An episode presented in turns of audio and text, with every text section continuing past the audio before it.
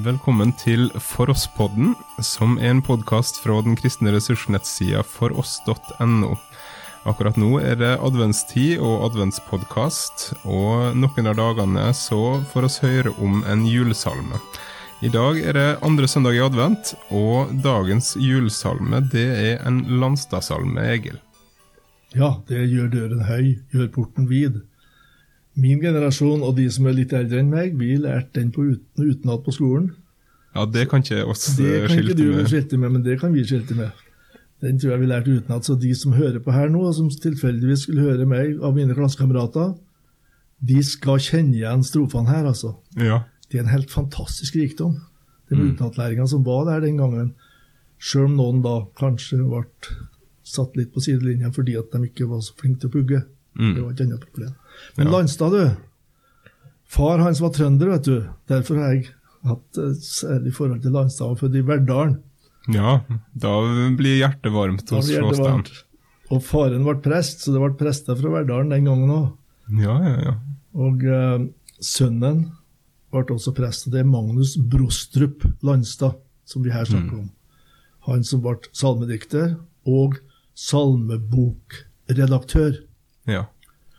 Det er det han er kjent for i ettertid. Salmebokredaktøren Landstad, gamle Landstad, Landstads reviderte. Mm. Helt fram til 70-80-tallet så har vi den boka som, som vi brukte. Landstads reviderte. Ja, da, Og jeg husker jo fra Jeg gikk i bibelskole i Tromsø, eh, og de læstadianske forsamlingene rundt Tromsø bruker jo fortsatt eh, Landstads og Landstads reviderte. Og de brukte lenge Landstads gamle, den første Mm. utgaven. Ja, sånn var det.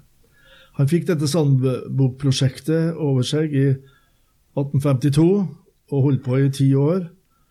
Og så kom det motstand, da. For Landstad var nok selvstendig, han ville ikke ha for mange til å blande seg borti. Mm. Det ble ikke teamwork. Men han ville ha det han ville ha. på Han en ville ha det han ville ha, og så fikk boka en sånn skjebne at den ikke kom ut før i 1869, da.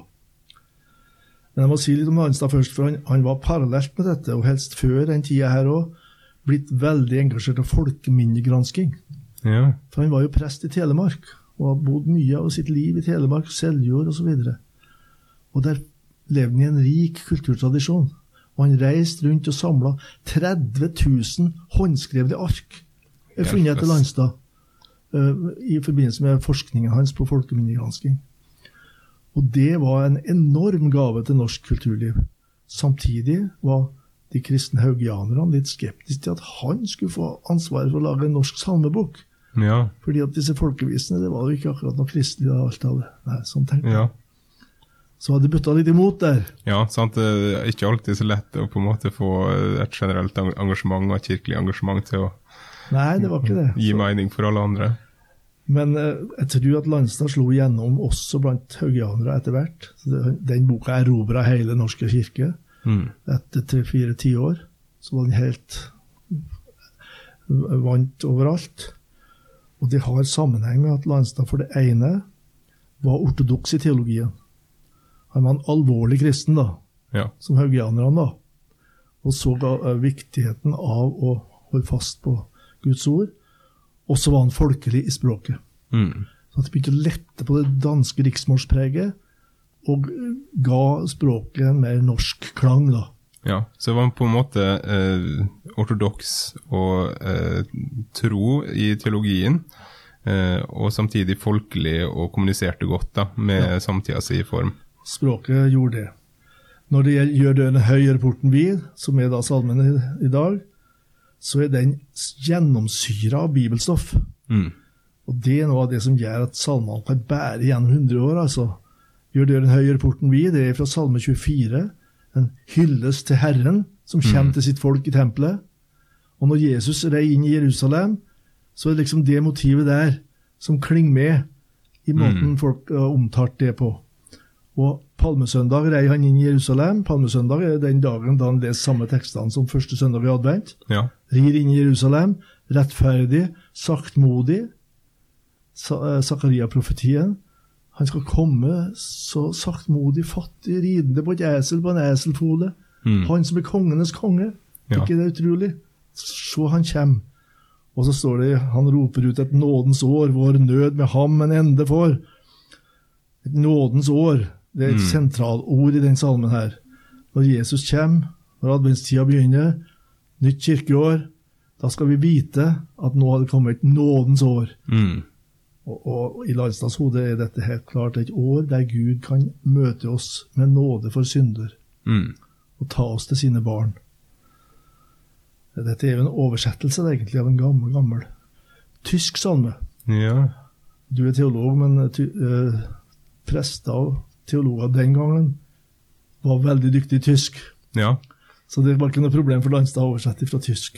Nei, en skulle jo helst kunne både tysk og latin og gresk og hebraisk. Ja, ja. Det gjorde Landstad. Han var språkmann. Og så kommer slutten av salmen, der han liksom tar oss med inn i møte med denne kongen som kommer da. Og så skjønner vi at det også klinger med noe av gjenkomsten. Han kommer igjen. Mm. Det er adventstidens store motiv. Og så at han kommer til oss. Mitt hjerte stør, jeg åpner deg, og Jesus, kom hit inn til meg, og ved din nåde la det skje at jeg din vennlighet må se. Mm. Det er det personlige. Ja. Så det er både Altså det er både, altså Mange tenker jo om adventstida at det først og fremst er en, en ventetid på, på Jesusbarnet, men det er jo en dobbelthet også der, eh, som dine salmer får fram. At eh, det er ikke bare eh, barn i krybba som venter på, men også venter på kongen som skal komme igjen.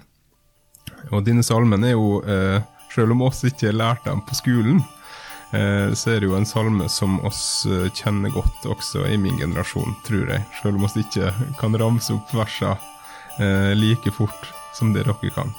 Så takk skal du ha, Egil.